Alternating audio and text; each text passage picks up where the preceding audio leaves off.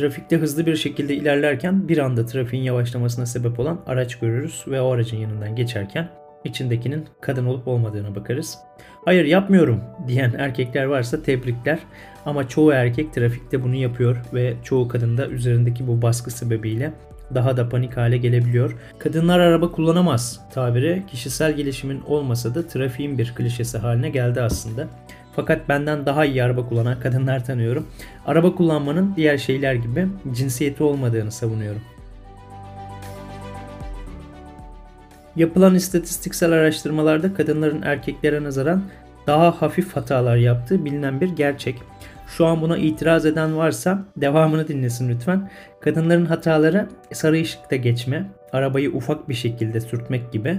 Fakat erkeklerin yaptığı hatalar kırmızı ışıkta geçmek, arabayı başka bir araca çarpmak gibi. Hatta ölümcül kazalarda da durum şaşırtmıyor. Erkekler açık ara farklı önde. Ve yeni bir araç satın alırken de örneğin erkekler motor ve vites gibi kriterlere bakarken kadınların en çok önem verdiği kriter ise güvenlik. Baktığınızda aslında kadınlara karşı olan ön yargılarımızın istatistiksel araştırma sonuçlarında aslında öyle olmadığını görüyoruz.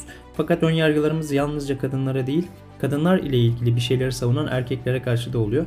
Geçtiğimiz dönemlerde toplumsal cinsiyet eşitliği alanında eğitimler veriyordum ve eğitimlerin sonunda bir gün şöyle bir mesaj aldım birinden. Giydiğin iç çamaşır senin de renkli mi? yani durumun ne kadar vahim olduğunu aslında bu örnek üzerinden bile görebiliriz diye düşünüyorum. Şimdi bırakalım hangi cinsiyet daha iyi araç kullanıyor kısmını ve asıl konuya geçelim. 1857 yılında özgürlükler ülkesi olarak bildiğimiz Amerika'nın New York kentinde tekstil sektöründe çalışan yüzlerce kadın düşük ücretlerine ve uzun çalışma saatlerini protesto etmek istediler. Protesto konusu sadece düşük ücret ve çalışma saatlerinden ibaret değildi. Aynı zamanda insanlık dışı çalışma koşullarında protesto ediyorlardı.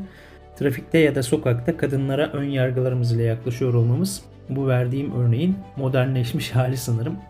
Yapılan bu protestolar sırasında çıkan yangında işçilerin fabrika önüne kurulan barikatlardan kaçamaması sonucunda 129 işçi can verdi. İşçilerin öldüğü gün 8 Mart 1857 yılıydı. Bu olayın üzerinden 53 yıl geçtikten sonra tarihler 1910 yılını gösteriyordu ve Danimarka'nın Kopenhag kentinde düzenlenen 2. Sosyalist Enternasyonel toplantısında bir kadın kürsüye çıkmak için söz aldı. Almanya'da doğmuş ve gençlik yıllarından itibaren kadın hakları savunucusu olarak birçok şeye imza atmış olan bu kadın Clara Zetkin'di.